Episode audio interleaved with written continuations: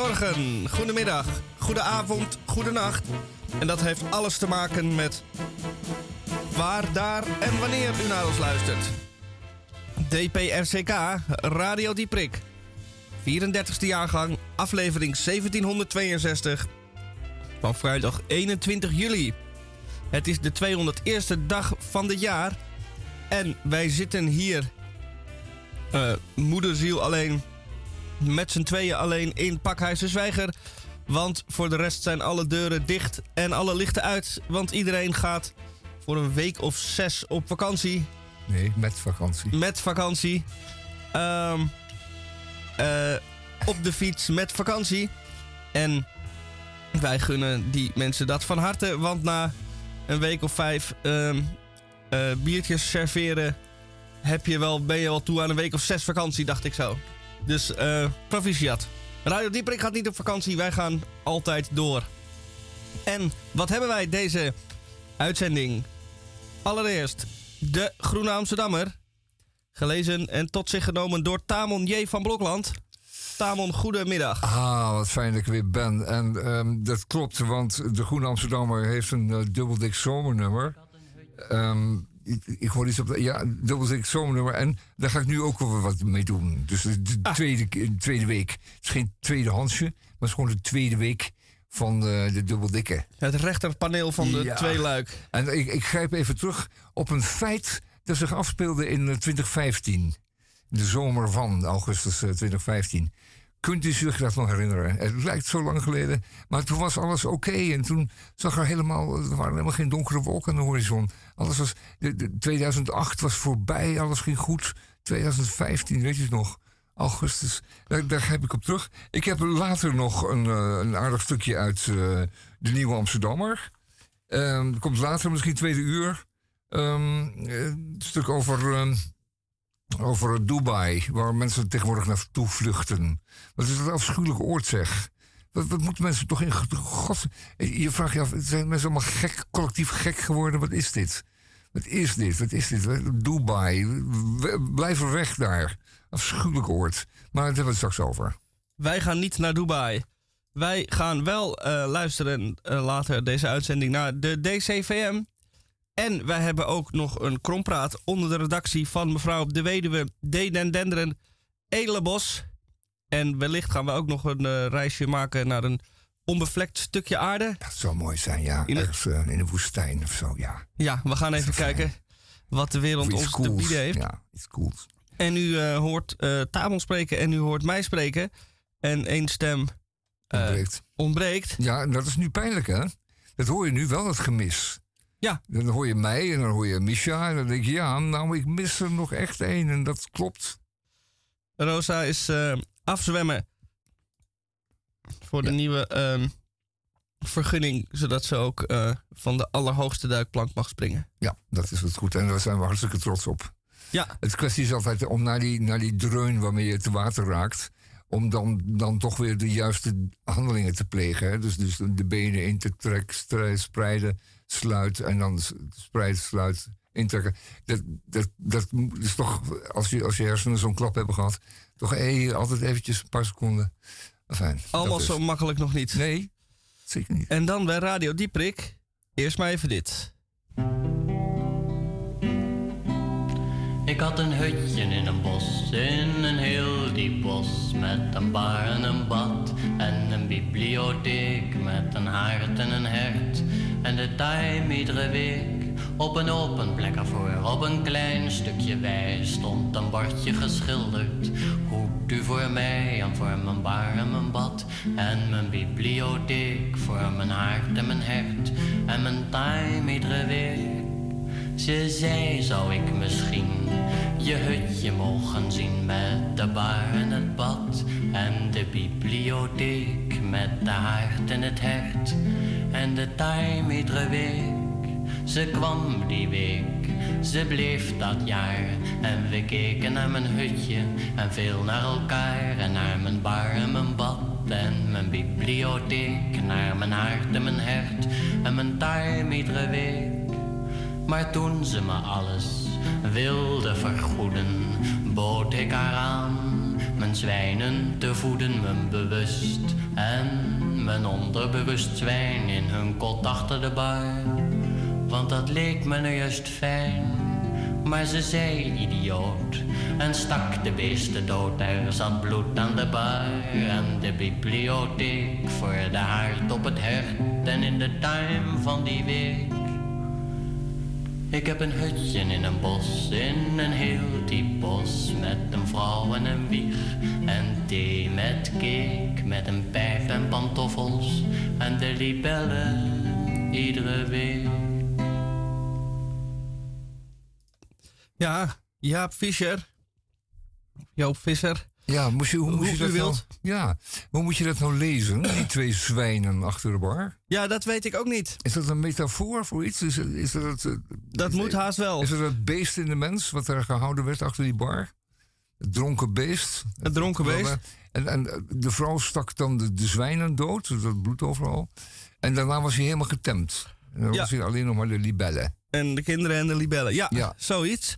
Deze Ja, eh, Jaap Visser eh, Ja. Jo- ging eh, later verder onder zijn echte naam Joop Visser. En die deed ooit in 2013 deed hij mee aan Holland's Got Talent. Eh, en dat was eh, geen succes. Want als kandidaat of jurylid? als eh, kandidaat. Oh, En hij werd verder niet herkend door eh, de jury. Bestaande uit Gordon, Chantal Jansen en nog een derde persoon die mij dan weer niet eh, bekend is. die wij dan weer vergeten zijn. Die ja. wij dan weer vergeten zijn. Ja. Hij was een hordeloper, En wie, wie is de dame in kwestie? alleen maar horde. Jessica. Oh, yes. Thuis zagen ze meteen al Hij heeft zijn mond dat open, het niet Gordon. zou worden. Ja, Hij heeft zijn mond houdt open. Geen vrouw die om hem gaf. Aan mijn lijf geen hordeloper, blijf van me af. Ze zeiden dat het kwam omdat zijn ouders waren gescheiden. Wat een onzin, nou de jury zit eh, elkaar lachend aan te kijken. Want? Die denken, wat moeten wij hiermee? Kijk, en dan...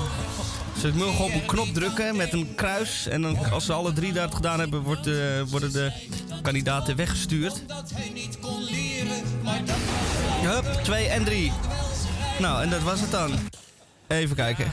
Jessica en Joop. Ja, helaas. Ja, Wat vreselijk. De tekst vind ik nog wel redelijk leuk verzonnen. ja, Maar ehm, ik vind het eh, afbreuk doen eh, aan elkaar. Dus ja, eh, hè? Oh, de stemmen zijn vreselijk bij elkaar. ja. Het klinkt Ja. niet lekker om naar te luisteren. ja. Ja, dat, dat Nou, is wel zo. Bedankt. En Volgens mij hebben jullie Joop, heel veel plezier dan, samen. die dan dat is wel zo, ja. Jammer hoor. Nou ja, jammer ja. Dan? Was it supposed to be funny? I beg your pardon. Sorry? Is it supposed to be funny? Ik snap het niet. Of het grappig bedoeld was. Grappig. Ja. Ge- Haha, funny? Niet per se. Funny, hoe? Oh, nee. Niet per se, nee. Maar die zijn dus in staat geweest om die complete jury hier te, in de zijk te nemen. In de zijk te nemen, ja. En het is echt waar. Dit is echt waar gebeurd. Waar gebeurt? Joop Visser die neemt zo dat hele Hilversum compleet in de zijk. Precies. En daar bewijst maar weer eens dat die Gordon ook niet eh, van voren weet dat hij van achteren leeft. En lopen en kauwgom kauwen waarschijnlijk ook een enorme opgave is.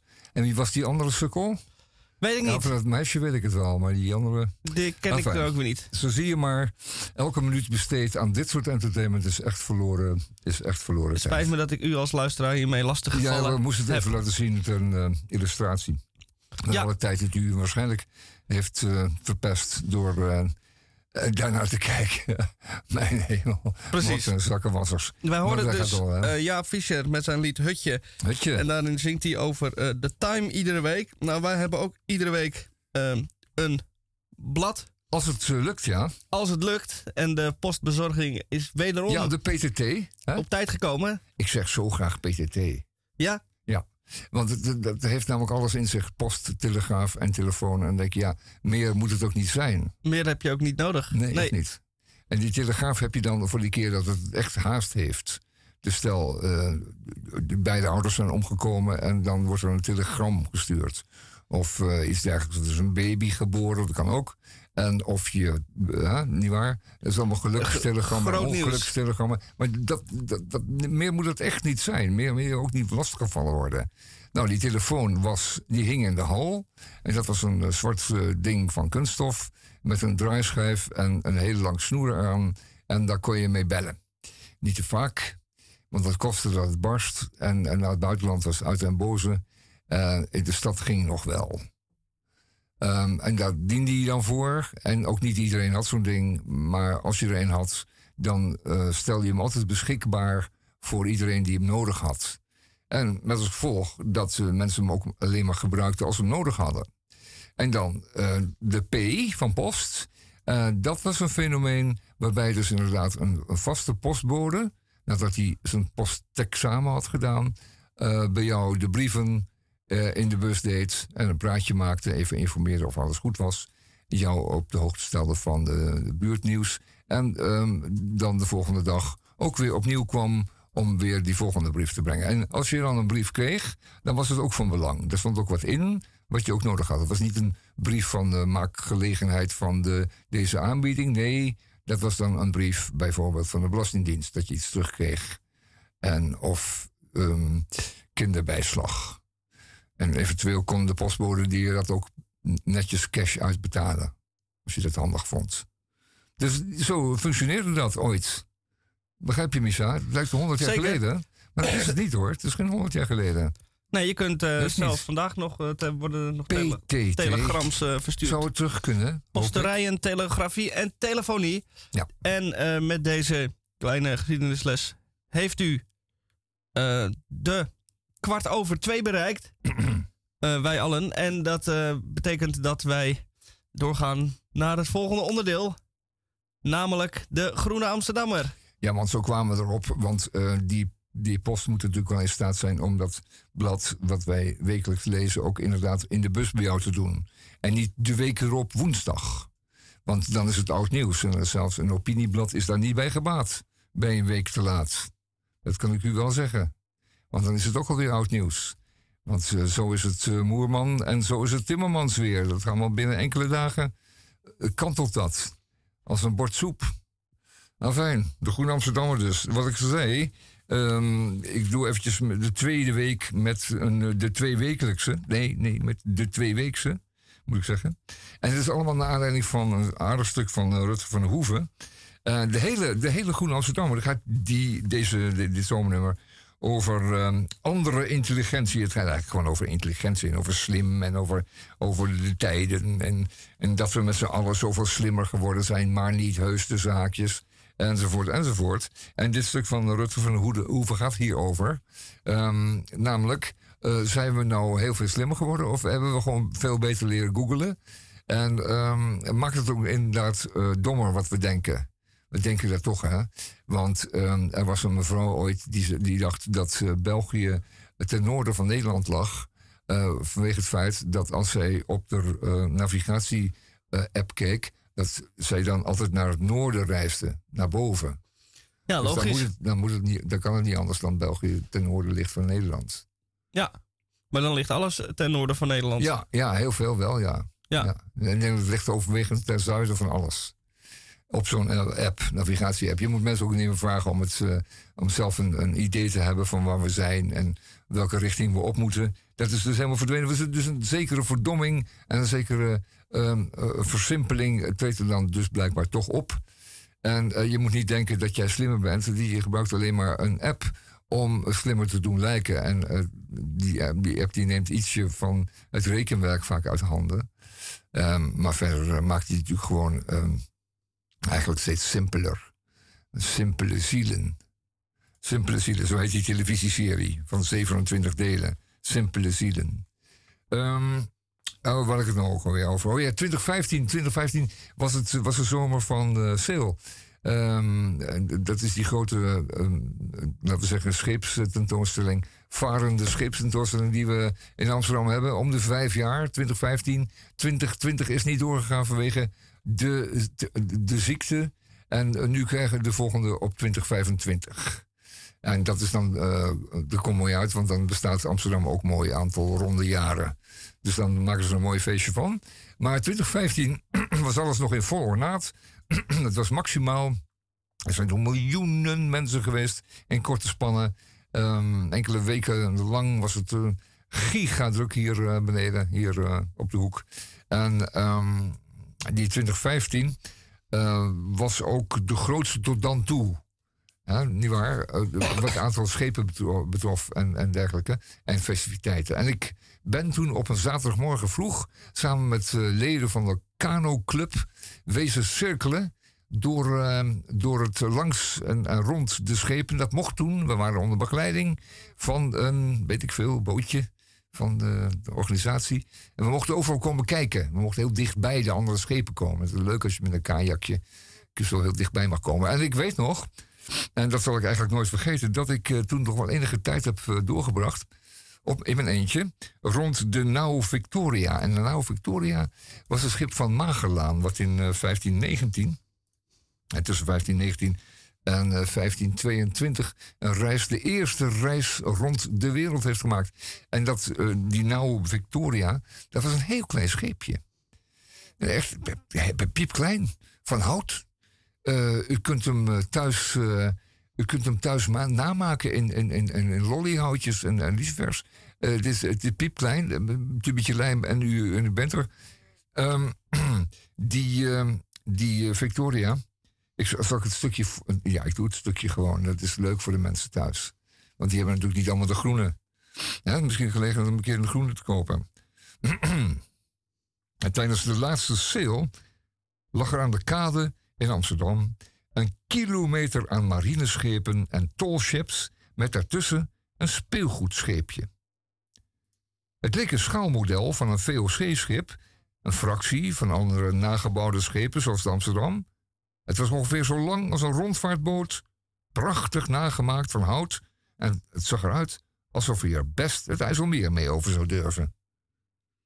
Het was alleen geen schaalmodel, maar een replica. Een replica van de Victoria, de Nau Victoria, het eerste schip dat de wereld rond is gevaren. Het eerste schip dat de wereld rond is gevaren. De Victoria was een van de vijf schepen waarmee in 1519, eh, 1519 de Portugees Ferdinand Magellaan in dienst van Spanje met 240 man van wal stak om westwaarts naar Azië te varen. Het werd geen gemakkelijke vaart. Portugese oorlogsschepen joegen op de Magellaanse vloot. Hij werd als Portugees door zijn Spaanse bemanning gewantrouwd en gehaat. Neem ik kwalijk. En velen van hen waren bang om van de rand van de wereld af te vallen. Of te eindigen in de kaken van reusachtige monsters die voor beide ronden van de wereldkaart leefden. Bij Zuid-Amerika voer Magellaan voor het eerst van de kaart af. Kwam in stormen terecht, bedwong zijn eerste en zeker niet zijn laatste muiterij en moest op een desolaat strand in Patagonië overleven op pinguïns. In de lente, in de lente vonden de zeevaarders een verraderlijke passage naar een nieuwe oceaan, die ze vanwege het toen kalme karakter Mar Pacifico noemden. En begonnen ze aan een epische reis. Magellaan en zijn bemanning navigeerden op de sterren met kompas en waren drie en halve maand onafgebroken op zee. Wonderlijk genoeg voer de expeditie pas richting Japan tegen haar eerste eiland aan. Elke dag was improviseren. Hoe aan voedsel en water te komen, ze aten vis, rat, huiden en tenslotte zaagsel. De toenemende schade repareren, de dood ontlopen, scheurbuik, honger, ziekte of iets anders, aan verveling, wanhoop en gekte ontkomen. Na drie jaar kwam het gezelschap eindelijk weer in Spanje aan met nog maar 18 van de 240 man. Ook zonder Magellaan. Die was gedood in de Filipijnen. En met nog alleen de Victoria.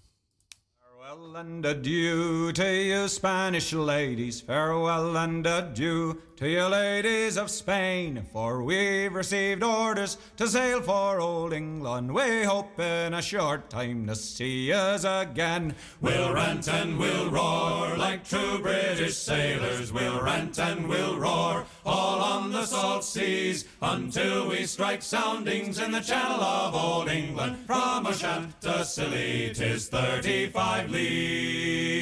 We hove our ship to with a wind from southwest, boys. We hove our ship to for to strike soundings clear. It's forty-five fathoms with a white sandy bottom. We squared our main yard and up channel did steer. We'll rant and we'll roar like true British sailors. We'll rant and we'll roar all on the salt seas until we strike soundings in the channel of old England. From Ushant to Scilly, 'tis thirty-five leagues. Now the first land we sighted, it is called the Dudman. Next Ramshead off Plymouth, start Portland and White. We sailed on by Beachy, by Fairley and Dungeness, and we hove our ship to off the South Foreland Light. We'll rant and we'll roar like true British sailors. We'll rant and we'll roar all on the salt seas until we strike soundings in the channel of old England. From Ushant to Scilly, 'tis thirty-five leagues. Then the signal was given for the Grand Fleet to anchor, and all in the Downs that night for to lie. Let go your shank painter, likewise your cat stopper. Haul up your clue garnets, let tacks and sheets fly. We'll rant and we'll roar like true British sailors. We'll rant and we'll roar all on the salt seas until we strike soundings in the channel of old England. From Ushant to Scilly, 'tis thirty-five leagues. Now let every man drink off his full bumper, and let every man toss off his full glass. We'll sing and be jolly and drown melancholy, and here's to the health of each true-hearted lass. We'll rant and we'll roar like true British sailors. We'll rant and we'll roar all on the salt seas until we strike soundings in the channel of old England. From Ushant to Scilly, 'tis thirty-five leagues. Denkt u eh, daar nog maar even aan terug? eh, aan de reis van eh, de beste man. Die dacht, laten wij lekker de grootste en breedste zee overvaren. Ja. Pingwing. eh, eh, ja, pingwensen niet eten. dat hij dat voor elkaar heeft in, gekregen. in de airfryer en dan een beetje Nee, niet ketchup. airfryer. Het- Ze zijn hoe dan ook, hoe te bereiden, zijn nooit te vreten. Ze zijn echt het, is het meest afschuwelijke eten wat je kan hebben. Het bestaat voornamelijk uit traan en heel taai. En het is werkelijk echt niet te eten. Ook de eieren niet. Het is allemaal helemaal even, even vies. En, En daarom zijn er eh, nog steeds pinguïns op de wereld. Als ze lekker waren, waren ze al lang op geweest. Bedenk dat wel. Dus laat die pinguïns en arters ook lekker een beetje rondwaggelen. Ze zijn niet te bereiden. En dan, dat verhaal zeg... eh, die hele Columbus in 1492... die had dus dan zogenaamd eh, het Amerikaanse continent dan ontdekt. Eh, dat dat beweerde niet. En, ehm, maar maar dit, dit verhaal speelt dus nog, nog 20 jaar later. Hè? Dus 1492, 18, dus 19. Dat is 27 jaar later, 25 jaar later, laten we zeggen. En dan doet die Magellaan dus dat stukje van Columbus even lekker over opnieuw. Want dat was natuurlijk al voor fors betreden in die 25 jaar. En dan durft hij het aan om zuidwaarts om dat enorme continent Zuid-Amerika te varen. En het wordt daar steeds kouder, hè? Want Patagonië, dat wordt steeds kouder, sneeuw, hoge bergen. Antarctica komt in zicht, hier komt alle ijsbergen tegen. En dan moet je, en dan moet je daar rechtsom, eh, om dat, die zuidpunt heen. En dan ligt voor je een oceaan die echt nog nooit door iemand betreden was. Hè, niet waar?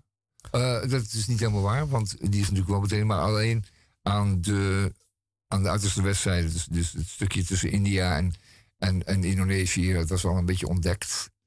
Maar ehm, de oceaan zelf was nooit betreden. Dat durf je dan toch maar. Hè? Het moet er wel een kerel geweest zijn, die Magellaan. Dat voor hem niet een schitterend... eh, Oh ja, dus dat in Portugal staat er een... ehm, in Sitges staat er een mooie... Niet Sitges, in Dingen staat er een mooi beeld van hem. In... Dat zoeken zo even op. Ik heb het verdorie gezien. Nee. Ja, Een bijzondere kerel. ik had het juist voor mij. Oh, Eh, ja, zijn geboorteplaats. Bedoel jij dit beeld? Ja, dat beeld, ja. Met die wijzende arm. Ja. heb ik gezien. Dat staat in? Eh, het is een eh, Portugese pagina. Ja. Estada de Fernão de Magalhães en Sambrosa. Is Zambrosa dan een eh, plek? Nee, Oké. nee. Oh, die is... Oké, nou, dan Zoeken we op. zoeken we het nog even op.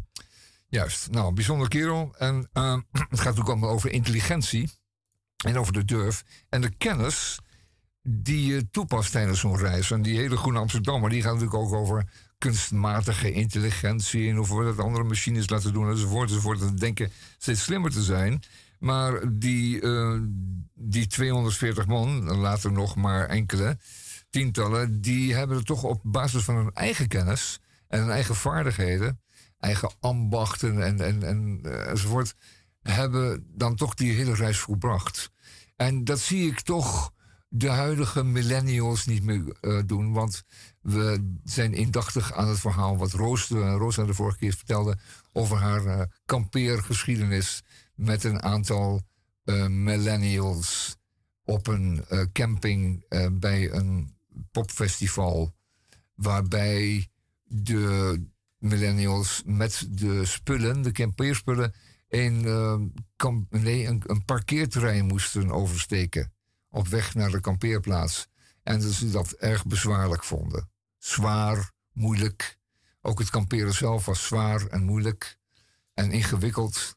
En eh, je ziet eh Magelaan al eh, dus met een aantal van die millennials zo'n reis aanvatten. Zie je het voor je?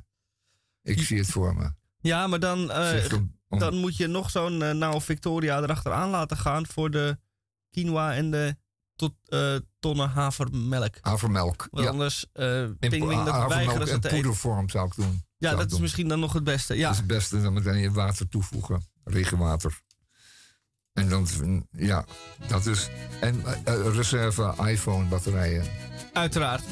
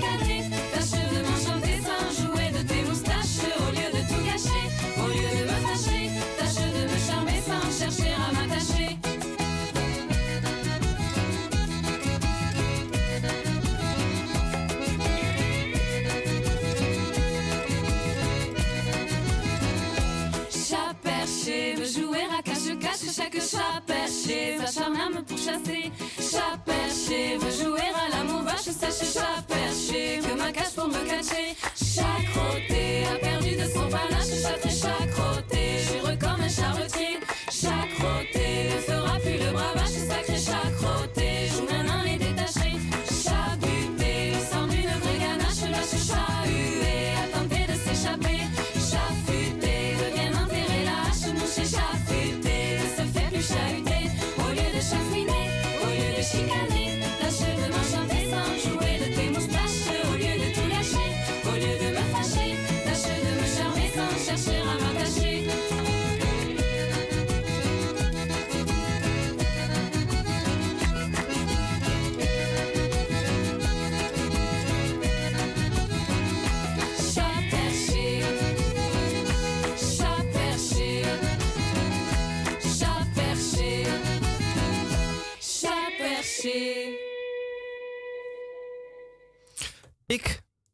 Kwam la- laatst, eh, iemand vertelde mij laatst iets. Dat wist ik helemaal niet. Die zei: Wist jij dat de aarde plat was? Eh, daar stond ik even van te kijken. Ik had in de klas altijd zo'n wereldbol. Maar dat was eh, een leugen. En toen ben ik daarover na gaan denken. En toen dacht ik: ehm, Verandert er nu concreet iets voor mij nu dat de aarde plat is? Ik ging naar de Dirk van de Broek. En daar stond gewoon nog melk in zo. Dus nee, maar eh, eh, eh, ik zal dan mijn wereldbol plat slaan. Maar voor de rest, geloof ik het allemaal wel. Nou ja, het moet je opgevallen zijn dat sinds je gelooft dat de aarde plat is, dat, dat dan, nou, als je naar de dek van het boek gaat, dat je dan niet het effect hebt dat je eerst omhoog moet en dan naar beneden gaat. Nee. Weet je wel, zoals met de Tour de France, eerst een, eerst een stijgen en dan weer dalen. Omdat het rond is, kan je doen. Het is een soort bobbel die je altijd over moet. Maar als die dus plat is, dan, heb je daar veel minder last van. Er zijn 150.000 mensen in Nederland die geloven dat de aarde plat is. Ook in de Magellaanse tijd was het, eh, eh, was het eh, natuurlijk niet zeker dat het zo was. Maar ja, dat was het toen wel. Want er waren al Grieken geweest en Egyptenaren die hadden bewezen dat de aarde niet plat was. Maar toen in die jaren waren er toch nog hardnekkig geloof dat het een keertje op moest houden. Want ja, hoe moest het anders? En het zag er zo plat uit. Dus, eh, dit is nog een ander verhaal. Eh, onlangs, ehm, oh je hebt, je hebt dat, dat, vermaledijde, vermaledijde internet waarbij iedereen altijd denkt dat hij alles kan. Eh, deze meneer die heet, die heet Adventure Aaron. Dat is een reisblogger. Je kent hem wel, die smoel met zo'n eh, met zo'n zongebleekt gezicht. En die dan in de microfoon staat te praten. En die van alles meemaakt over de hele wereld. Die wordt dan gesponsord door, eh, weet ik veel. eh, door wie bijvoorbeeld? Noem eens. eh, onderbroeken? Of, Onderbroeken, ja, zo vaak zijn het ook reis, eh, eh, eh, eh, bedrijven die reisartikelen verkopen. Oh ja, ja. En dan loopt hij dan mee met die rugtas. Dan moet hij Uitneembare tanden, tandenborstels. zoiets. En dan moet hij tijdens het filmpje zeggen: Ik ga even iets uit mijn fantastische rugzak van dit merk pakken. En dat moet dan heel. dat dacht hij eh, tevoorschijn en dan blijkt hij dat- sluikreclame. Dan heeft hij zo'n tandenborstel die uit twee delen bestaat, waardoor hij dan handiger, kleiner opvouwt. En dan zit ik thuis op de bank en denk: Hey, Ja, hey, die moet ik ook moet ik bestellen. Maar goed, eh, we, hebben het, we hebben het over, hoe heet die, Adventure Aaron. En die proberen de Pacific, dus dat Mar Pacifico, over te roeien. Nou, wat had de man? De man had GPS, had Cospas Sarsat, hij had eh, Starlink, draadloos internet. Hij had eh, tientallen gratis en betaalde navigatie-apps voor iPhone en Android. En eh, toen ging zijn zonnecel stuk. En ehm, en toen eisten zijn volgers meteen een zoekactie, omdat hij geen updates meer gaf vanaf zijn telefoon. En dat gebeurde ook. Dan, wat er dan gebeurt is dat men, omdat dat, die Adventure Aaron zo bekend is, gaan er meteen marinevliegtuigen met eh, tientallen tonnen kerosine de lucht in om hem te gaan zoeken. En ehm, eh, toen zijn was een boot gevonden. Eh, nee, nee, nee, nee, de- eh, precies. En mm, ja, en toen hadden ze hem weer gelokaliseerd. En toen had hij dus een bericht gestuurd dat alles in orde was. Oké. Maar in juni eh, ging zijn boot werkelijk op de kop. Eh 2000 kilometer boven Tahiti. En toen werd zijn noodbaken automatisch geactiveerd. En had een reddingsvliegtuig hem binnen een paar uur gevonden. Dus de Magellaan, eh, die vaart daar op de of Victoria, de nieuwe Victoria. En die is binnen twee uur gevonden door een eh, reddingsvliegtuig. Ja. En die hebben hem terug naar Portugal gebracht met eh, first class, hè? Eerste klas. Uiteraard. En alle bemanningsleden. Ja, het moet wel leuk blijven natuurlijk. Ja, ja ontdekkingsreis is toch daar naartoe, maar eh, wel eh, met een schone nieuwe broek aan. En een paar, eh, hè? Ja, hij, eh, ik tanden. sta even te kijken. Hij laat zich eh, flink sponsoren. Want staat Adventure Aaron. de hele tijd te zwaaien met van alles door het eh, bedrijf NSB Watch. Oh ja, klinkt goed. Dat is avontuur eh, van niks, hè? Dat is echt avonturen van niks en dat. Is compleet. eh, dan heeft hij nog volgers en die zorgen ervoor dat hij binnen de kortste keer. Zijn dat zo'n horloges? Dat die zijn, hij nodig heeft? dat zijn de horloges. Daar kun je mee duiken. Dus ehm, Oké, heeft er vier. dan kun je, als je je bootje omslaat, dan kun je kijken van potverdikke met dit vliegtuig doet er nou eh 1, 2 uur en 10 minuten over. Ja. Dat is, ja, Wat is dit? wat is dit? Ja. Wat een waardeloze service. Vier horloges heeft de man. Eh, allemaal, en die horloges hebben ook allemaal, eh, allemaal stuk voor stuk eh satellietnavigatie. Wat een sukkel. Nou, in ieder geval. ehm, die Magellaan, ik krijg steeds meer bewondering voor kerels en mensen van die tijd. Want ik zag laatst, en daar, kan, daar rond ik het maar even mee af, want ik was een klein tikje misselijk van deze verhalen. rond even af met een verhaal over de Duitse hondsrug. Hondsrug. En ehm, daar eh, werd getoond in een eh, half uur durende documentaire hoe men daar in de tijd bakstenen maakte voor de gebouwen en de, de boerderijen. En eh, dan hebben we het niet over gedroogde leme blokken, zoals dat nog steeds gebeurt in Afrika of India. Die in zon gedroogde blokken, die ze gebruiken om in Bangladesh huizen van, gema- van te maken. En die dan oplossen zodra er een golfje water overheen komt, of een regenbui.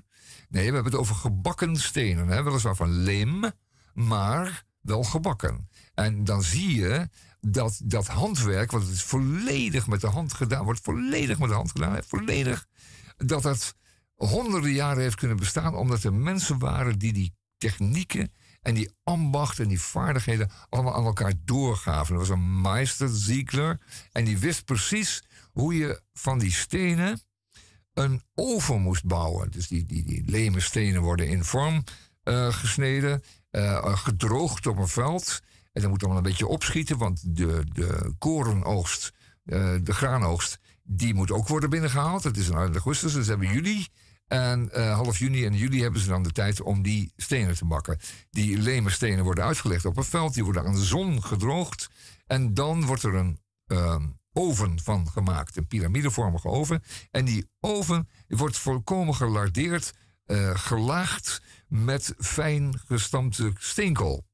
Eh, en van tijd tijd ook kanalen met wat grovere steenkool. En dat geheel, die hele piramidevormige bouwsel, wordt ehm, heel ingenieus voorzien van allerlei luchtwegen. En dan op een zeker moment wordt het aangestoken. En die kool, die steenkool, die bakt de stenen. De temperatuur loopt op in het gebouw tot de 1200 graden. Dus de stenen binnenin, maar ook redelijk aan de buitenzijde, worden allemaal gebakken. Het levert echt, echt gebakken steen op, die de eeuwen kan doorstaan.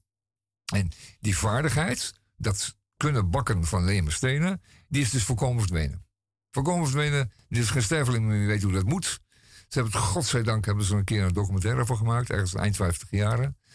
Ehm, in Duitsland uh, zwart-wit eh, met commentaar, met heel precies commentaar, zoals dus je Duitsers mag verwachten. En daarmee is het nog enigszins bewaard gebleven, maar de kennis, de feitelijke kennis, is met het overlijden van de laatste Ziegelmeister verdwenen. We kunnen dus dat niet meer. Eh, niet waar? We moeten nu eh, alles kopen in de bouwmarkt. Of 3D-printen. Of 3D printen. 3D printen. Is er iets armoedigers dan dat? Ik denk dat het ongeveer het armoedigste van de manier van bouwen is die op de wereld bestaat. 3D printen. Van betonnen muren. Ik word er zo misselijk van. Ik doe even wat goede muziek. Want...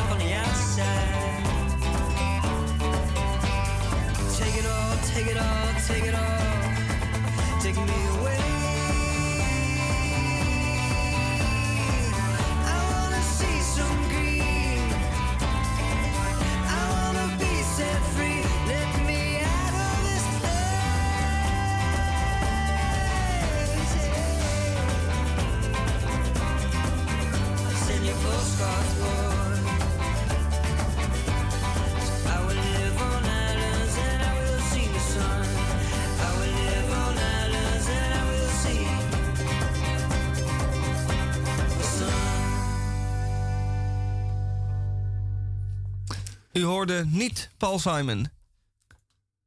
En dan ga ik nu een eh, column voorlezen. De column van Micha. Het verkeer in de Amsterdamse binnenstad is chaotisch. Een wirwar van verschillende deelnemers die zich ieder voor zich een weg banen door elk ander. Hierbij wordt lang niet altijd de verkeersregels nageleefd, hetgeen tot hachelijke en gevaarlijke situaties kan leiden. Omdat ik enorm begaan ben met de algemene verkeersveiligheid en ik een ieder wil behoeden voor een tragisch ongeval, heb ik besloten om op mijn manier een steentje bij te dragen aan de algehele verkeersveiligheid. Ik heb een naslagwerk in gedachten waarbij ik alle verschillende verkeerssituaties in kaart breng om u en alle rondom u van ernstig schade te behoeden. Vandaag geef ik een voorproef van het hoofdstuk voetganger. Een verkeersdeelnemer die in veel opzichten tot de meest kwetsbare hoort, maar ook een die buitengewoon wendbaar is en op de fietser na tot een van de meest brutale behoort. De eerste door mij geschetst- geschetste situatie is een veel voorkomende. Er komt niks aan, dus het kan makkelijk. Men lapt alle verkeersregels aan dienstlaars, wetende dat er geen enkele consequentie aan kleeft. In het verlengde hiervan vindt men het tweede fenomeen. Het kan nog net. Komt soms voor uit een verkeerde inschatting waarbij men toch niet alle tijd blijkt te hebben. Maar vaker komt deze situatie voor doordat de tegenpartij aanstalten maakt om te vertrekken en de voetganger besluit er nog net voor langs te glippen. Dit vereist echter wel een goede timing en enige vorm van fysieke welgesteldheid. Het is toch een zebrapad? Is de derde. De voetganger steekt over in de veronderstelling voorrang te hebben, zich niet bewust zijnde van de aanwezige verkeerslichten. Kan leiden tot aanrijdingen en verhitte discussies over wie er al dan niet in zijn recht staat. De volgende situatie is de meest gevaarlijke. De kip zonder kop. De voetganger is zich in dit geval niet bewust van het feit dat het trottoir ophoudt te bestaan.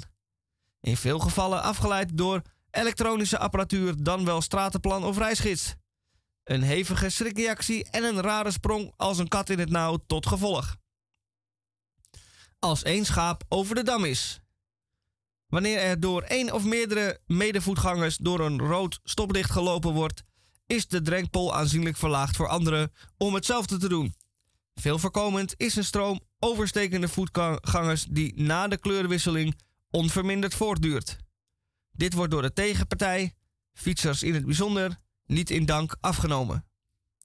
Als laatste blijft dan nog de God zegene de greepgroep over. Deze dient men onder te verdelen in twee categorieën. De eerste is de zeer zelfverzekerde lefgozer die zich onaantastbaar waant en door middel van behendige manoeuvres zich een weg door het razende verkeer baant. Heen baant. Wel te verstaan. De tweede groep komt veelal voort uit de eerder genoemde situaties. Een kip zonder kop die geen andere uitweg meer ziet dan rennen voor zijn leven. Of een verkeerd ingeschatte, het kan nog makkelijk, met als gevolg een alles of niets poging om lijf en leden te redden. En hiermee heb ik geprobeerd u en alle rondom u in veiligheid te brengen. Doe er wat leuks mee.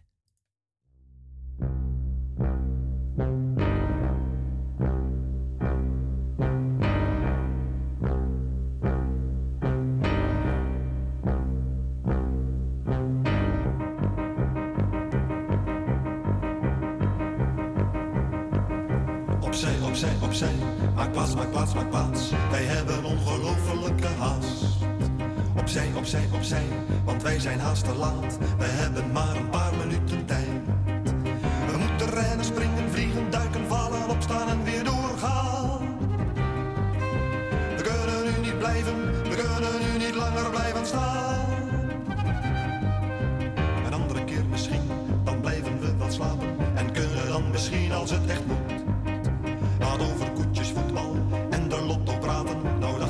Adieu, het gaat je goed. We moeten rennen, springen, vliegen, duiken, vallen, opstaan en weer doorgaan. We kunnen nu niet blijven, we kunnen nu niet langer blijven staan. Op een andere keer misschien, maar blijven we maar slapen. Wij hebben ongeloof als het echt haast.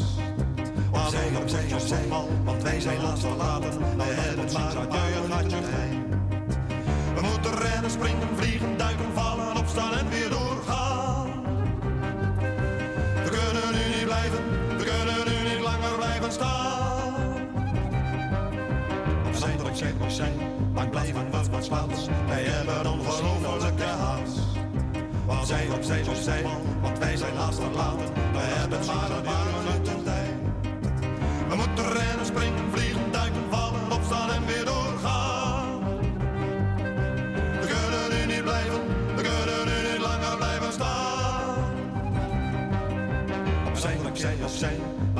wat wat slapen. Wij hebben ongelofelijke haast. Opzij, opzij, opzij, want wij zijn haast verlaten. We hebben maar een paar minuten tijd. We moeten rennen, springen, vliegen, duiken, vallen, opstaan en weer doorgaan. We kunnen nu niet blijven, we kunnen nu niet langer blijven staan. Een andere keer misschien, dan blijven we wel slapen. En kunnen dan misschien als het er moet. Wat over koetjes, voetbal lotto praten. Dag tot ziens, adieu, het gaat je goed. Zijn we rennen, springen, vliegen, duiken, vallen, opstaan en weer doorgaan. Opzij, opzij, opzij, opzij, opzij, opzij, opzij, opzij, opzij, blijven opzij, opzij, opzij, opzij, opzij, opzij, opzij, opzij, opzij. Maak plaats, maak plaats, maak plaats. Wij hebben ongelofelijke haast. Opzij, opzij, opzij, want wij zijn laat. Wij hebben maar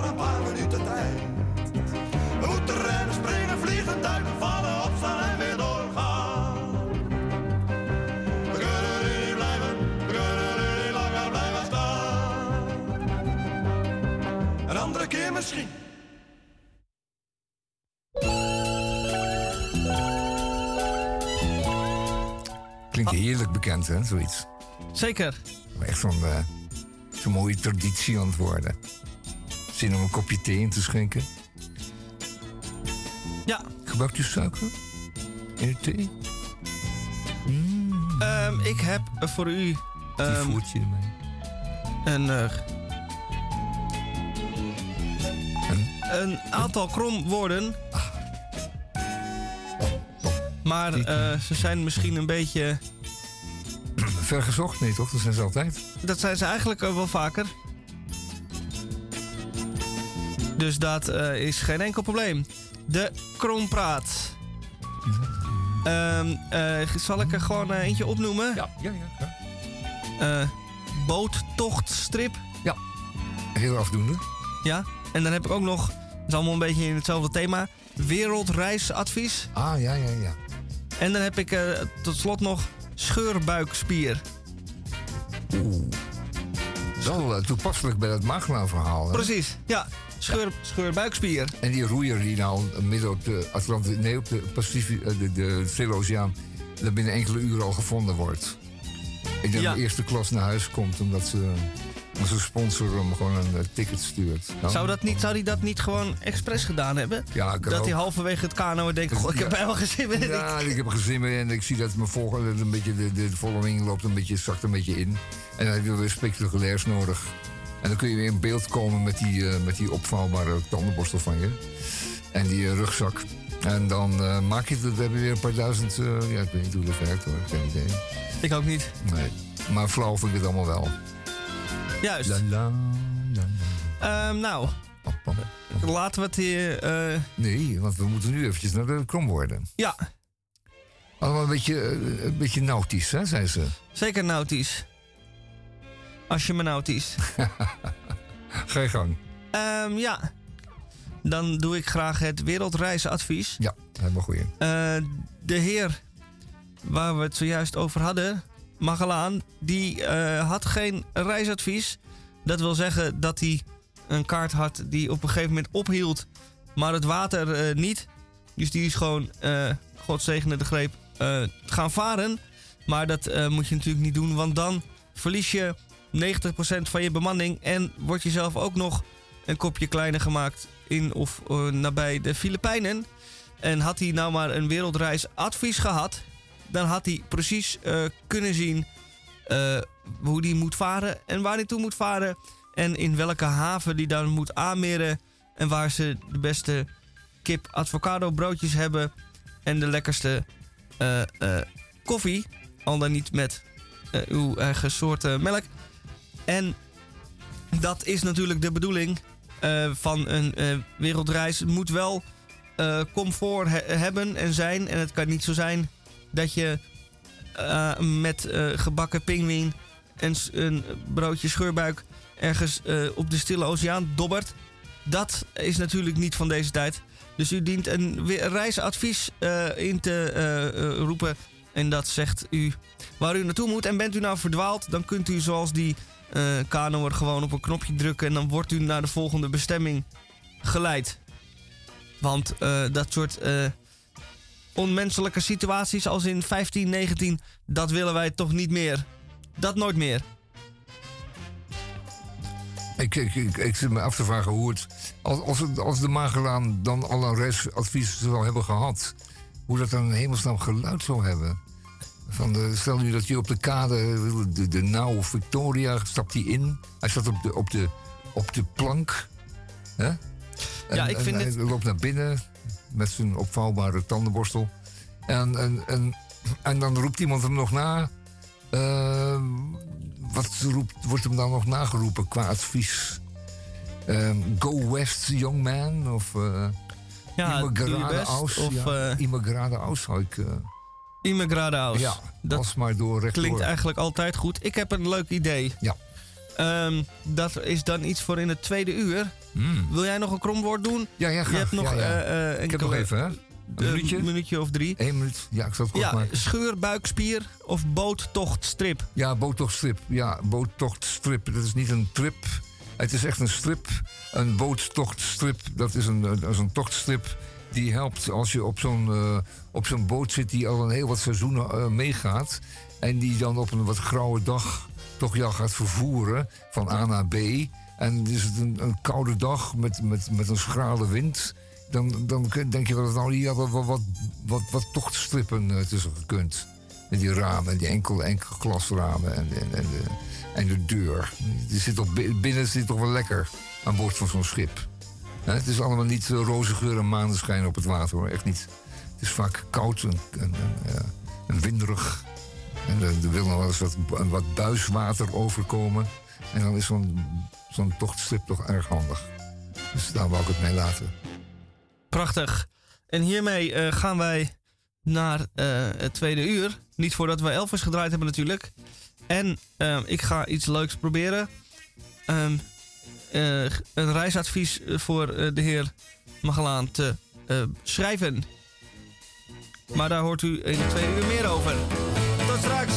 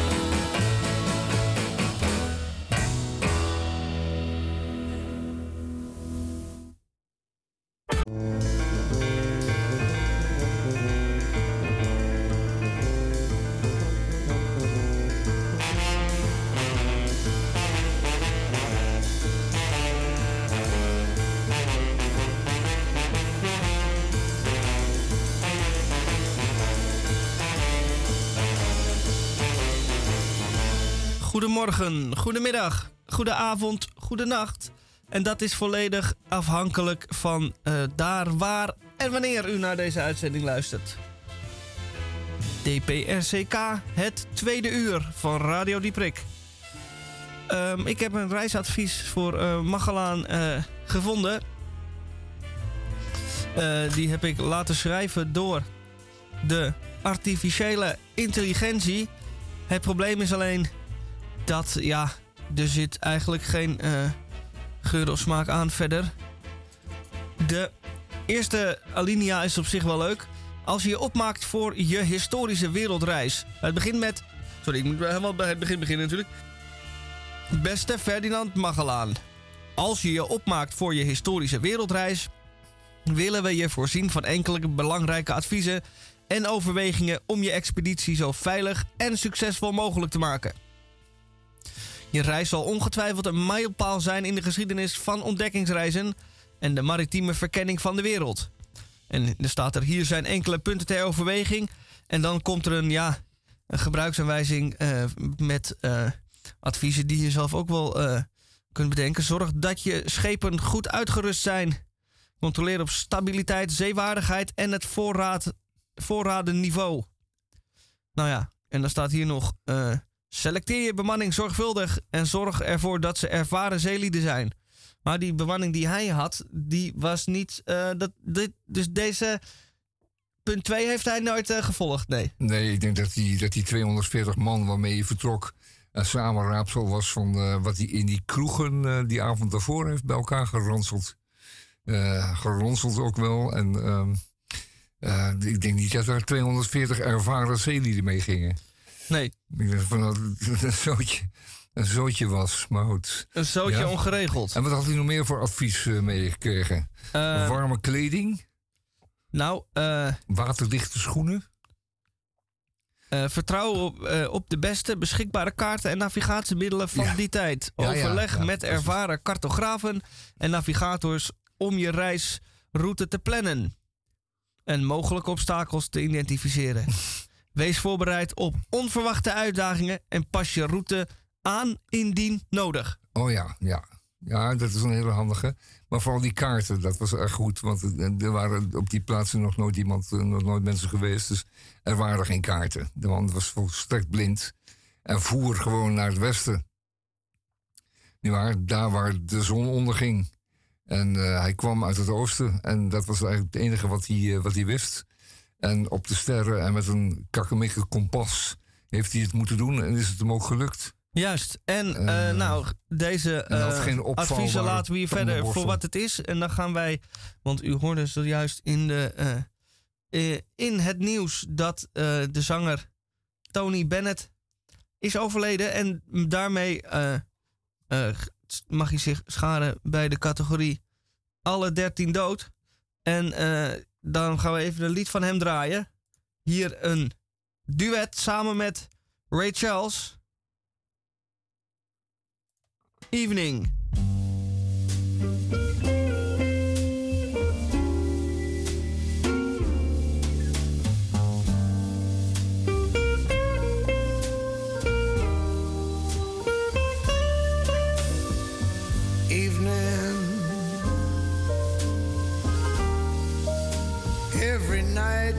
Come and find me. Must you always come and remind me that my gal has gone?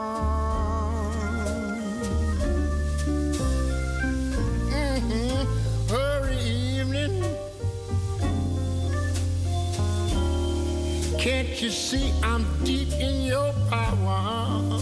baby? Every minute seems like an hour since my gal is gone.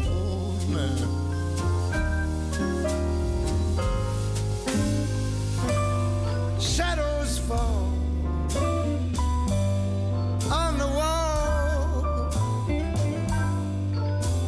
the time I miss you most of all. Even though I try, how can I go on, girl? Take me evening.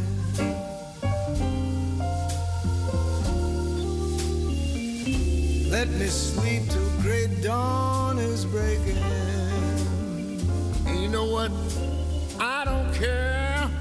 If I don't awaken. No. Since my gal is gone. You too, Harry. All right now. Since my gal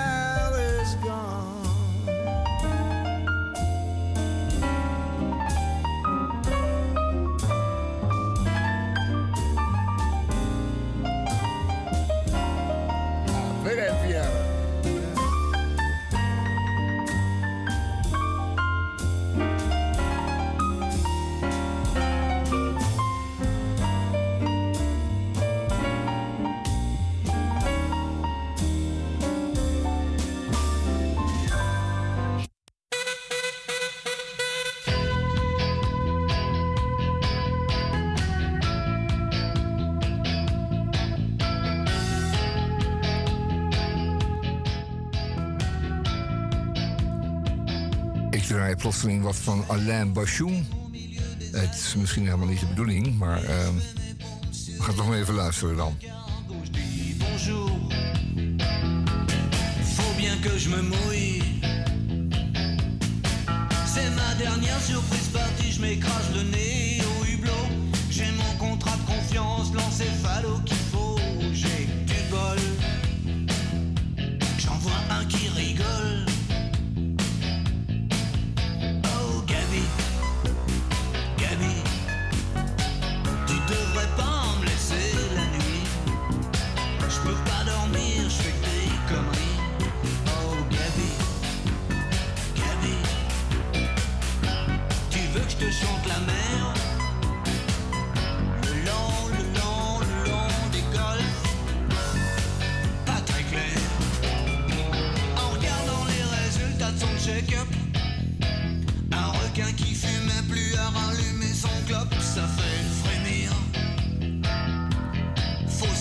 Dire stop. Tu sais, tu sais, c'est comme ce type qui voudrait que je me soigne et qui abandonne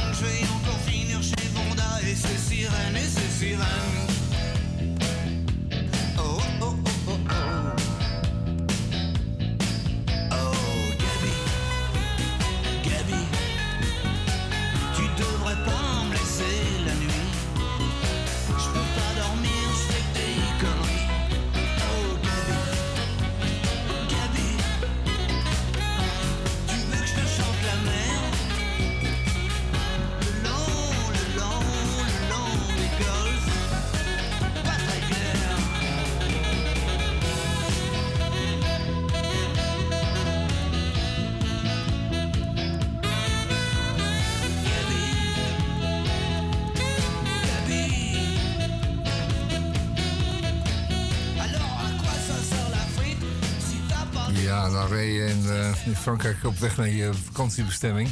En dan de radio heb je aan in de auto. Ehm, want eh, ja, je hebt natuurlijk geen eh, andere mogelijkheden. En ehm, dan luister je zo'n beetje de stations af.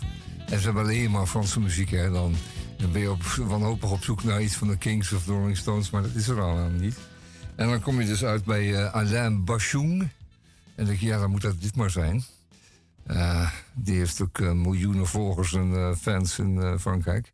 Maar ja, het is toch een beetje een vakantie- vakantiegevoel. En ehm, ik zou zeggen, vertige de l'amour dan maar voor ons. Hè? Alsjeblieft.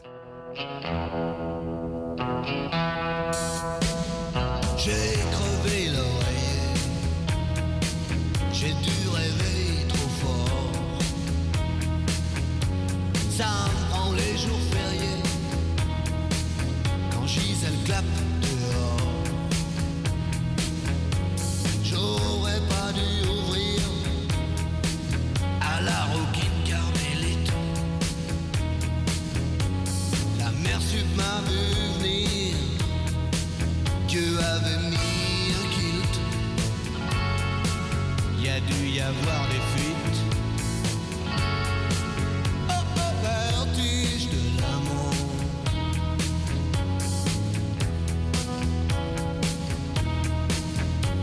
Mes circuits sont niqués. Puis y a un truc qui fait masse. Courant peut plus passer. Non mais t'as vu feuilleton à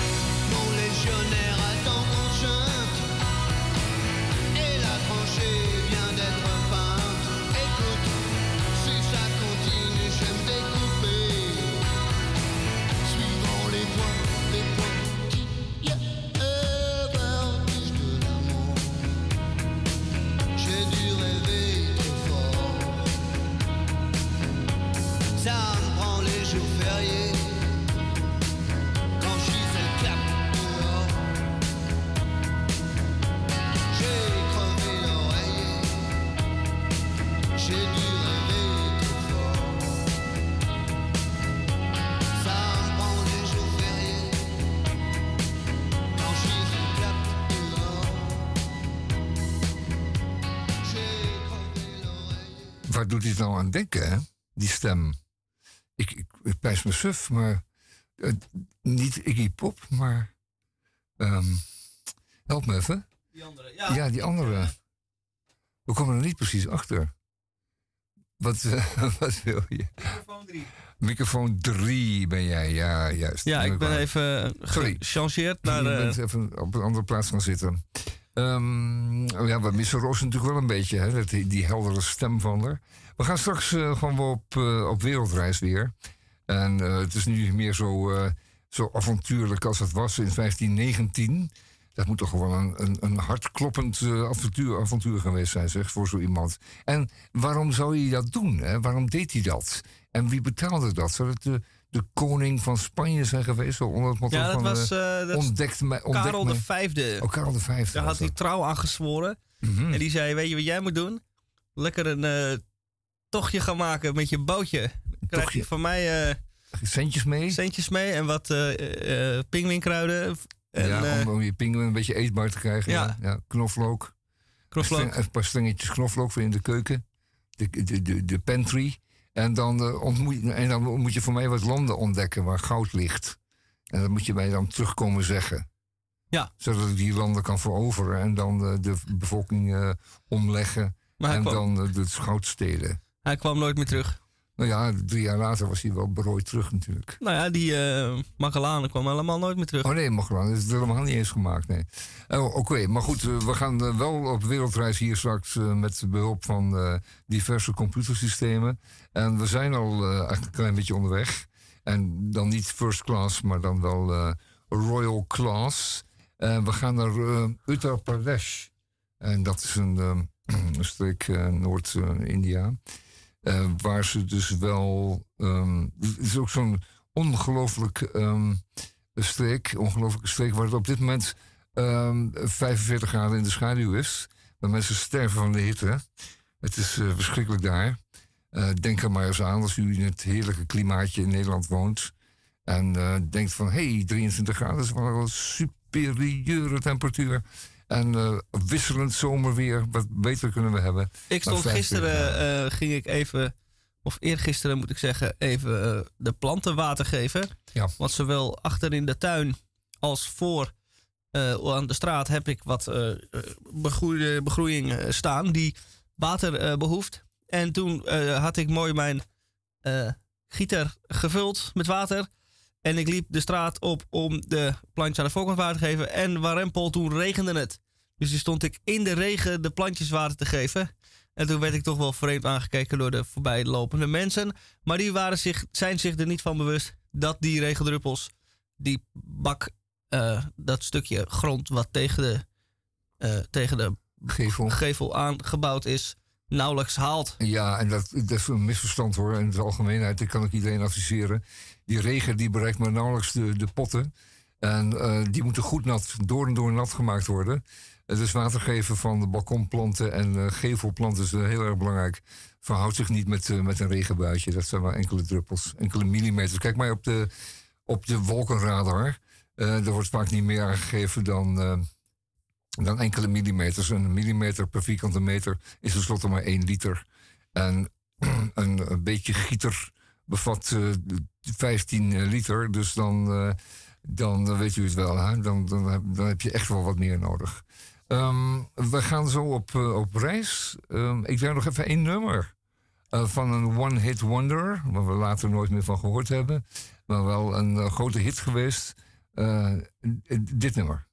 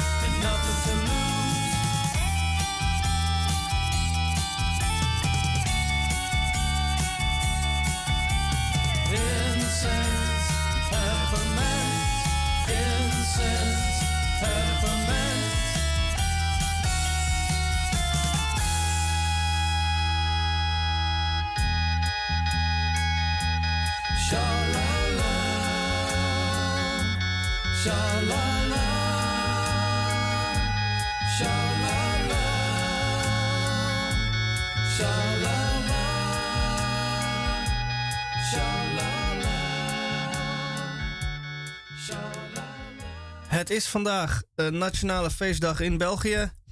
Want de eerste koning van België, Leopold I, legde vandaag in 1831 eh, de eed af. Nou, Eh, de Dus, eh, eet. proficiat. De eet. De eed af. Ten opzichte van wat van het volk? Dat hij een. het- dat hij het netjes zou doen. Dat hij niemand naar de guillotine zou sturen. Dat hij een goed heerser zou zijn. Een goed vader voor zijn volk. Ehm, overigens is het eh, wel nationale feestdag vandaag in België. Maar ik heb toch altijd de indruk dat wij altijd meer merken van de Vlaamse dag, van de, dag van de Vlaamse eenheid, die is op 11 juli. En die wordt echt uit stukken uitbundiger gevierd dan die nationale feestdag. Dat is meestal een, eh, een parade, wat vlaggetjes en een, eh, en een televisieoptreden van de huidige ehm, koning van België. Ehm, 1831, zei je?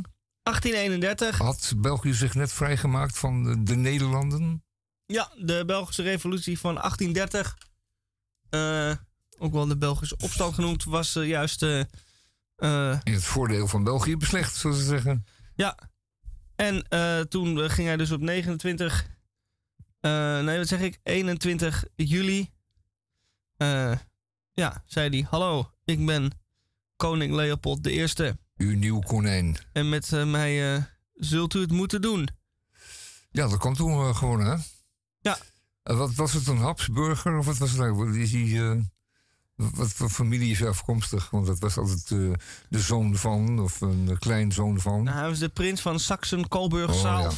Ja, ja, ja, ja, ja. Saxen-Coburg. Ja. Ja, die, kon dan gewoon, die werd dan gewoon op zo'n troon gezet. Werd voorzien van eh, paleizen en hermelijnen mantels. En dan was hij vanaf dat moment was hij, eh, koning of keizer. admiraal- Nou ja, goed, keizer.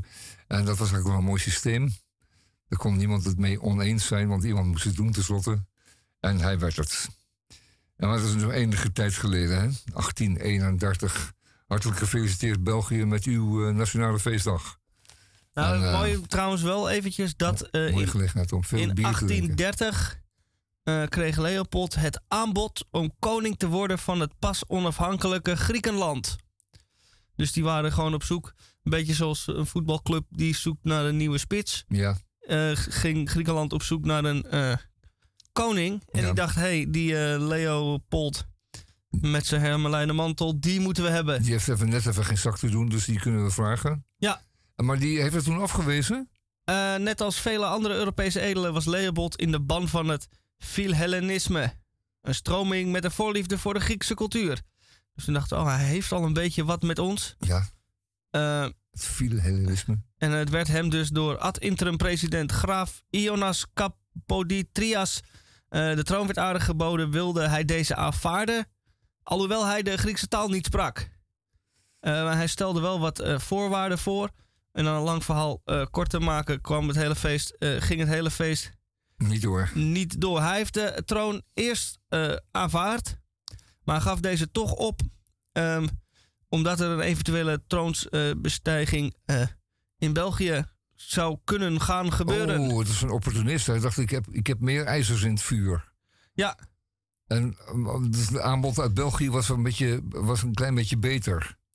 Nou, eh, ja, zeker. Ah, en, ja. eh, dat kan, hè? dan moet je de afweging maken natuurlijk. maar oude jongens krentenbrood, want eh, de troon ging uiteindelijk naar de prins Otto van Beieren. Die dan weer de zoon was van Lodewijk I van Beieren. Die dan weer ook weer connecties had met Leopold. Dus Het bleef een familiezaakje. ik ga het niet doen, maar ik ken nog wel iemand, mijn neefje, die... Loopt over met, met zijn zak te spelen, dus die, die kan het wel doen. ja, Ja. Ja, zo ging dat, ja. En dan, dan werden die afwegingen gemaakt hè, van zoveel paarden, zoveel koetsen, zoveel paleizen. Was er wellicht nog een vrouwtje in het spel, wat nog aantrekkelijk was? Daar eh, wordt niet over gesproken. qua, qua eh, voortzetting van de, van de dynastie. Weet je, waar je de dynastie mee op, op touw kan zetten.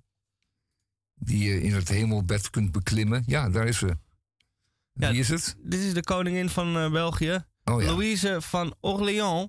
Die kreeg je erbij? Die, eh, nou ja, dat was zijn vrouw. Oh. Even kijken. Maar niet nou dat hij al koning was, toch? Of niet? Dat weet ik niet. Die Louise was natuurlijk ook niet achterlijk. Die dacht van laat hem eerst maar koning worden. Want anders eh, wordt Nou hij ja, straks stalknecht en dan heb ik niks. Op 9 augustus 1832 trouwden zij. Ja, dus ja, eerst wel, die heeft nog een jaartje bij de vis. eh, ja, ja. ja. die heeft een jaartje aangekeken. Die dacht van, ik, ik kijk eerst hoe, het, hoe, de, hoe de schapen lopen. Nee, hoe zeg je dat? Hoe de, Ja, eh, als er één haas over de dam is of ja, zoiets. Ja, Dus zoiets. Hij heeft, heeft gewoon eventjes aangekeken hoe de hondjes lopen. En dan ehm, heeft ze gedacht, nou, eh, zoveel koetsen, zoveel paarden, zoveel hermelijnen, onderbroekjes. Ehm, ik, ik denk, ik ga toch maar naar België. Want ik kan natuurlijk altijd nog een buitenhuis in Griekenland eh, doen. Dat kan natuurlijk altijd. dat doen wel meer eh eh, ja, dat doen, dat doen ze wel eh, meer. Ja, ja, dat doen ze wel meer. En dan, en dan kun je natuurlijk het, het, het nuttige met het aangename combineren. Dat is altijd het beste. De zomerresidentie. Dus tot zover koning Leopold I. eh onze welgemeende groet. Ja, en felicitaties natuurlijk. Hè. Mooie gelegenheid, zeg ik al, om eh, veel bier te drinken. Speciaal bieren. Goed, nou, dan hebben we dat ook weer gehad. Ehm, het is in, eh, in Dubai en eh, de eh, Verenigde Arabische Emiraten niet anders. Het, de hermelijnen mantels worden doorgegeven. Het geld kan niet op. Ehm, het is allemaal van een onvoorstelbare, ehm, laten we zeggen, opulentie. Om het woord maar eens te gebruiken. En alle mensen die naar Dubai gaan voor een vakantie, die eh, acht ik ehm, minder intelligent dan ze zelf denken. Er is een eh, hele eh, boel gang gekomen dat wanneer jij als influencer of op social media intelligent en vooral rijk wil overkomen, dan ga je naar Dubai. Want daar kun je heel veel, het heel breed laten hangen. Maar wat je ook kan doen, is het allemaal fijnzen. Want ze hebben in Dubai ook budget hotels. En dan koop je gewoon eh, of dan eh, neem je een ticket en dan boek je een eh, lullig hotelletje ergens in een achterafstraatje. En wat doe je dan? Dan loop je naar het rijke gedeelte en dan ga je daar de dikste Maserati of de duurste Lamborghini opzoeken. En dan ga je daarnaast staan en dan maak je een foto. Of nonchalant opleunen. Opleunen als de eigenaar even de andere kant op kijkt. En dan kun je die foto weer op jouw Instagram zetten. En de mensen denken, zo, die is met zijn Lamborghini naar eh, Dubai geweest. Die zal wel eh, goed in de slappe was zitten. Ja, en dan is eh, de firma Maserati niet zo goed of ze sponsoren natuurlijk een eh, tweedehandsje voor je. Zodat je de volgende keer op je eigen auto kunt leunen. Ja, in ieder geval komt het, anders staat het allemaal helemaal nergens op. Alles is daar indoors, want het is daar god hemeltergend heet. Ehm, ze hebben daar geen water, geen drinkwater. Ze moeten het allemaal uit zeewater destilleren. Ehm, er zijn ook geen planten en bomen. Die moeten ook allemaal worden geïmporteerd. Is allemaal zo kunstmatig als het eh, maar eens eens kan. En daar komt bij dat het, het land wordt geregeerd door een buitengewoon eh, eh, hand, hardhandig volkje. Volkje ehm, ehm, Arabische mannen die de vrouwtjes zo flink onderhouden. En die dus zeggen dat hun cultuur dat nu eenmaal voorschrijft. En ehm, daar, hebben ze, het enorm naar zin. En dat geld en, en de invloed, die blijft allemaal binnenskamers. Ehm een mooi stukje in de Groene Amsterdammer eh, daarover. eh, onlangs over de ontsnapping van een der prinsessen. Want zo worden ze daar genoemd. Dus als daar een vrouw iets, zelf iets wil, dan wordt ze binnengehouden en eh, ontvoerd en thuis opgesloten, zoals dat vroeger eh, ging en nog steeds blijkbaar gaat. Ehm, de mannen die zijn. eh, dus de, de, Latifa gaat over. En die zit nog steeds opgesloten ergens in een, eh, in ommuurd paleisje daar. En haar vader die heeft daar, is daar de baas, die baard. Enfin, ehm, u heeft daar niks te zoeken. Ik zou zeggen, eh, zie even af van die 0% inkomstenbelasting en denk zelf even na.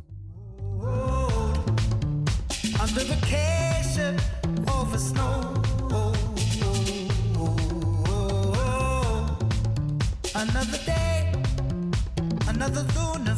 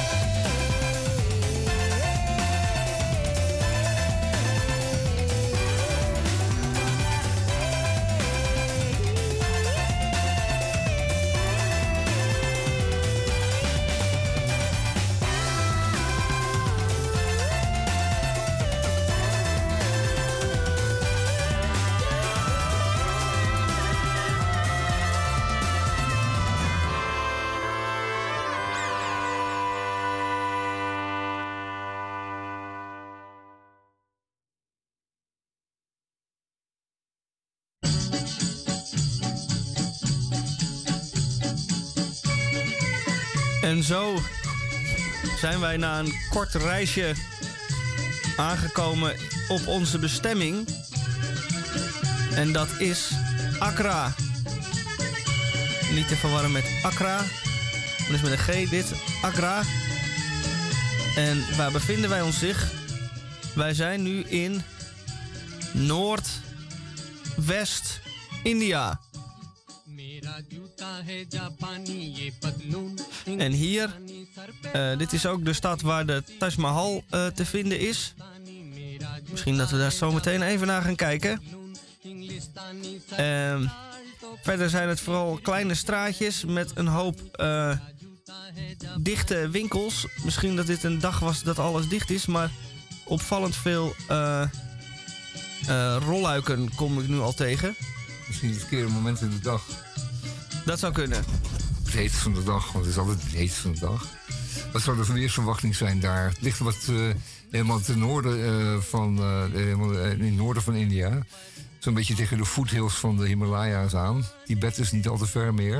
Ik heb de indruk dat het daar wat minder droog is, wat minder heet. Het is nu een heerlijke eh, 34 graden. Het is nu heerlijke 34 Met graden. een luchtvochtigheid van 67% Dat moet te doen zijn. Dat is net eh, haalbaar. Het is ook wel een stuk groener. Er zijn wat rivieren. Het gaat nog niet door voor het meest, eh, voor het arm, meest armelijke deel van eh, India. Ehm, als ik het zo zie, ik zie heel wat automobielen. Dus ik neem aan dat het, de stand van leven daar toch iets beter is. Het is wat groen, hè? Zijn Flink wat, wat parken met bomen, boomrijke straten. Zeker. Misschien valt het mee. Misschien valt het mee. Eh, misschien ook niet. Uttar Pradesh. Even kijken. En een, een, een rivier in de buurt is altijd wel handig. Maar we gaan ook een hapje eten. We kijken of het rond. Ja. Kijk, het hoeft niet allemaal. Kijk, het was zo. eh, toen, toen India en, en Pakistan nog gewoon een Brits mandaat was, een Brits bezit. dus een onderdeel was van de, van de grote Britse, Engelse wereld, de Britse wereld. Toen ging men daar zomers naar deze streken toe, omdat hier natuurlijk een stuk milder klimaat was.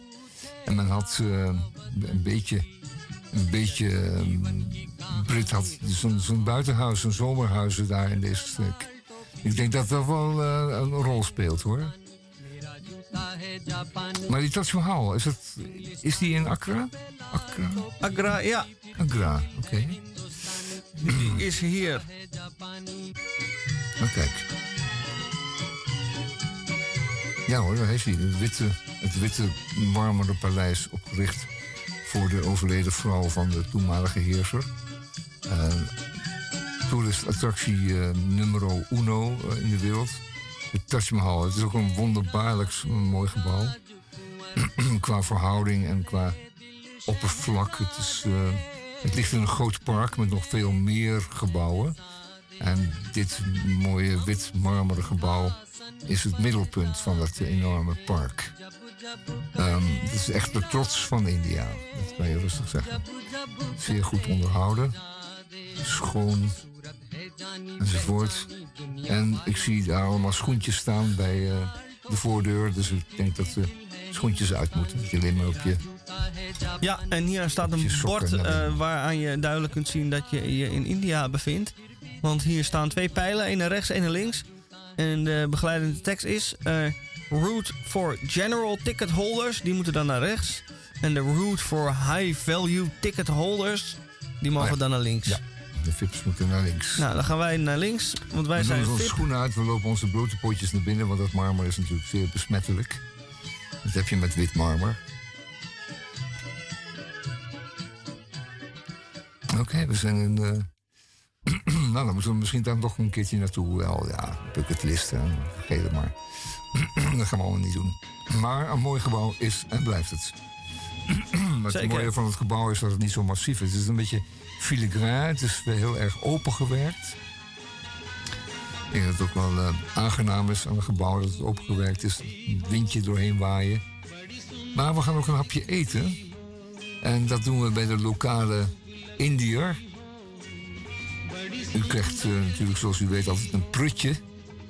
Eh, een vaag prutje bij uw eh, lokale Indi Indiër. Maar dit is van een ander kaliber. Dit is eh, echt wat meer sophisticated. Ziet er stukken beter uit. Maar eerst maar eens kijken wat we op ons bord krijgen. En waar we een hapje gaan eten. Deze tent heet... hmm, De Panchi Peta Store. ja, de Pantje Peter Store. Kijk, daar zijn ze. Het lijkt me meer een winkel overigens. Maar... Oh ja, er wordt kant-en-klaar voedsel verkocht. In zo'n plastic zak. Het is het een soort pasta die daar eh, wordt geserveerd. Ja, een soort gebakken iets. Een gebakken iets. het lijkt me een pasta. Maar het ziet er toch wel rijk uit. Veel cashewnoten zie ik daar. Die combinatie van noten en worteltjes is altijd wel, het is toch wel lekker. Kijk. Kikkererwten. Natuurlijk ongetwijfeld. Hoe zou het smaken, jongens? Dat is... eh, Wat, wij, wat wij eten, dat is meestal dat Zuid-Indiaanse. hè. Dat eh ruist met, die curry's en zo. Dat, dat is daar ongetwijfeld ook, maar... Ja, ik zie hier soep. Ik, eh, het ziet er werkelijk eh, wel smakelijk uit, moet ik zeggen. Ik Zeker. een beetje oog voor eh, hoe het eruit moet zien. Voor detail. Ja. Kijk, hier hebben we een... een hartvormige pizza, zou kunnen In een hartvorm, ja. En dit is dan toch waar ik dan voor doe. Dat is een bakje Ja. van plastic, vermoedelijk. Waar dan allemaal verschillende vakjes zijn. En in ieder vakje zit dan iets. In één zakje, vakje uien. In een ander vakje komkommer. Die van de schil ontdaan is. In het hoofdvakje eh, iets van eh, rijst en een stuk pannenkoekenbrood. Ja, Iets in die richting. Ja, het, het plaats van brood. En dan nog vier bakjes met vakjes met prutjes. Ja, met, met, de, met de prutjes. Dus dat het ziet er erg handig uit.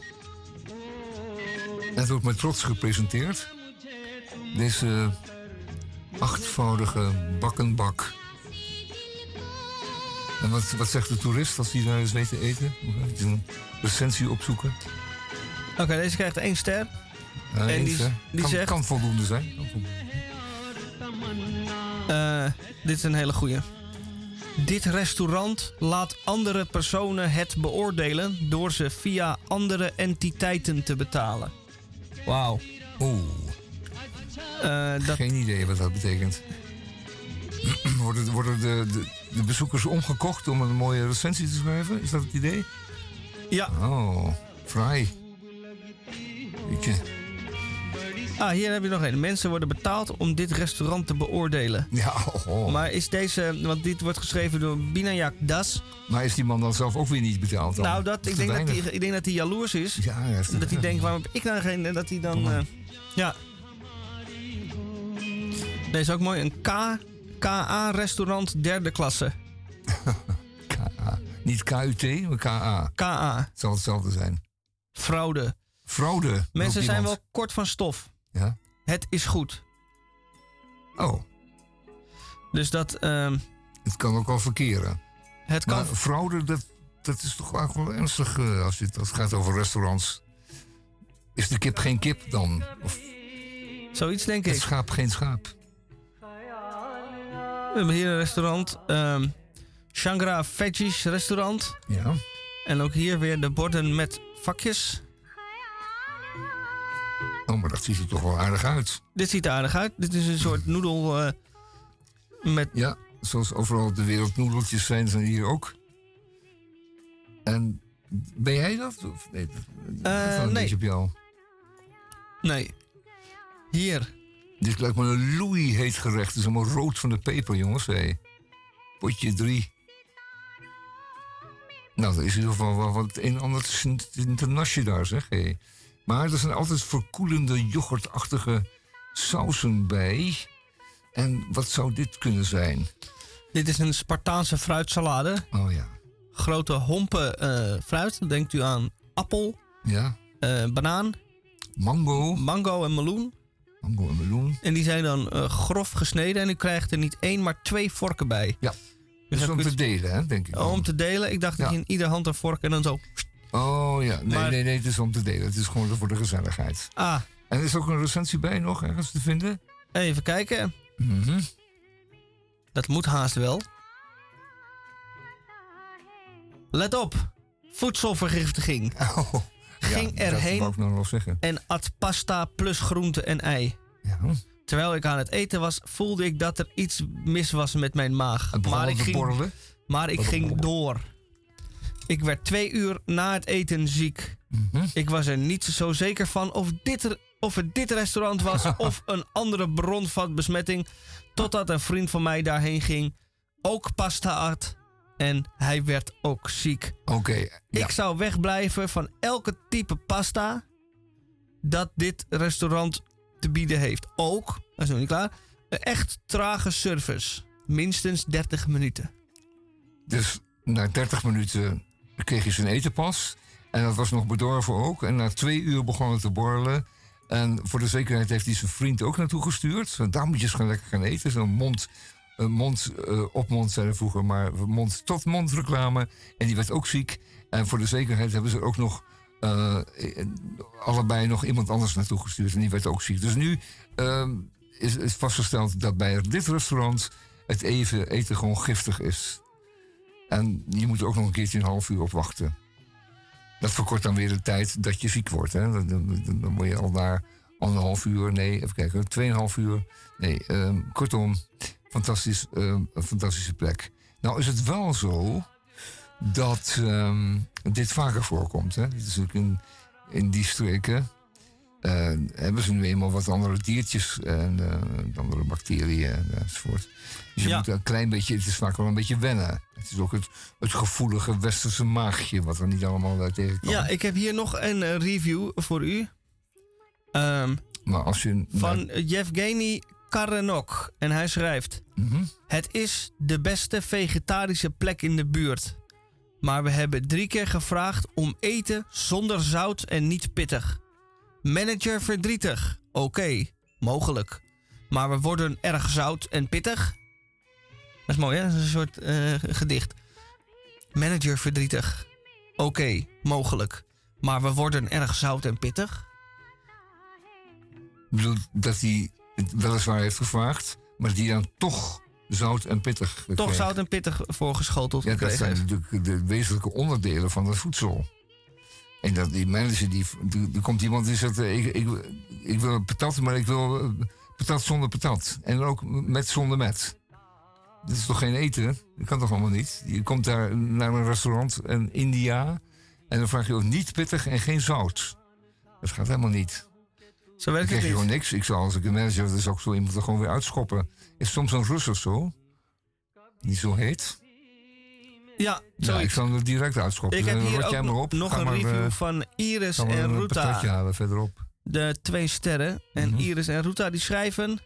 De eigenaar heeft opgelicht. We gingen er twee keer heen... En de tweede keer was hij niet eens dankbaar dat twee klanten terug waren in zijn restaurant. Dat hij echt smerig was en probeerde ons meer in rekening te brengen. Toen ik hem vertelde dat hij ons meer in rekening bracht, vond hij het niet leuk. Maar dit vind ik wel een goede, want hier staat... Wij gingen er voor de tweede keer heen en de eigenaar was niet eens dankbaar dat wij terugkwamen. Ja, je moet ook niet te veel eisen, toch? Dat je een keer voor de tweede keer ergens binnenkomt. Wil je dan een bos bloemen en een... eh, en kusjes. En een kusje. En een Ta- Taj Mahal sleutelhanger. Je kunt ook gewoon... Of, of zo'n Taj Mahal met, eh, met, met, als je hem omdraait, het gaat sneeuwen. Gaat sneeuwen, ja. Een snowball. Eh, en ze kregen geen kusjes en, eh, en ze moesten ook meer betalen. Die, die, die eigenaar die dacht van nou, als ze nou een derde keer komen, dan, dan, Dan- zijn ze echt aan de beurt. Dan is het Dan scheef ik ze helemaal leeg. Ja. Fantastisch, hè? Ja, elke Slans wijs, Slans eer. Dan weet u dat, als u daar naartoe gaat. Deze prachtstad, waar, het altijd, waar de zon altijd schijnt. Nou, het ziet er toch niet slecht uit. Het is, het is groen, het is eh, de schaduw, het is niet onaangenaam. U heeft daar natuurlijk helemaal niks te zoeken. Want twee keer hetzelfde restaurant bezoeken, dat is de goden verzoeken.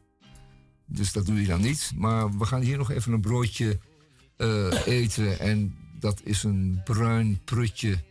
Een opengesneden pistoletje. Ja, het lijkt een zacht puntje, zo'n eh, zo'n- Amstelveld eh, bolletje. Ja. Die leveren dus blijkbaar ook in eh Uda, Uga. Uh, Pradesh. Uga Pradesh. Ja. Ehm, van Amstelveld naar India. Eh, weten we nou wat het is? Want het, lijkt er- gehakt. Het lijkt een soort bolognese, maar er zit dan ook mosterd en rauwe uien op. Oh ja. Dus ehm, Het kan een broodje schaap zijn of zo natuurlijk. dat is lekker. Ja.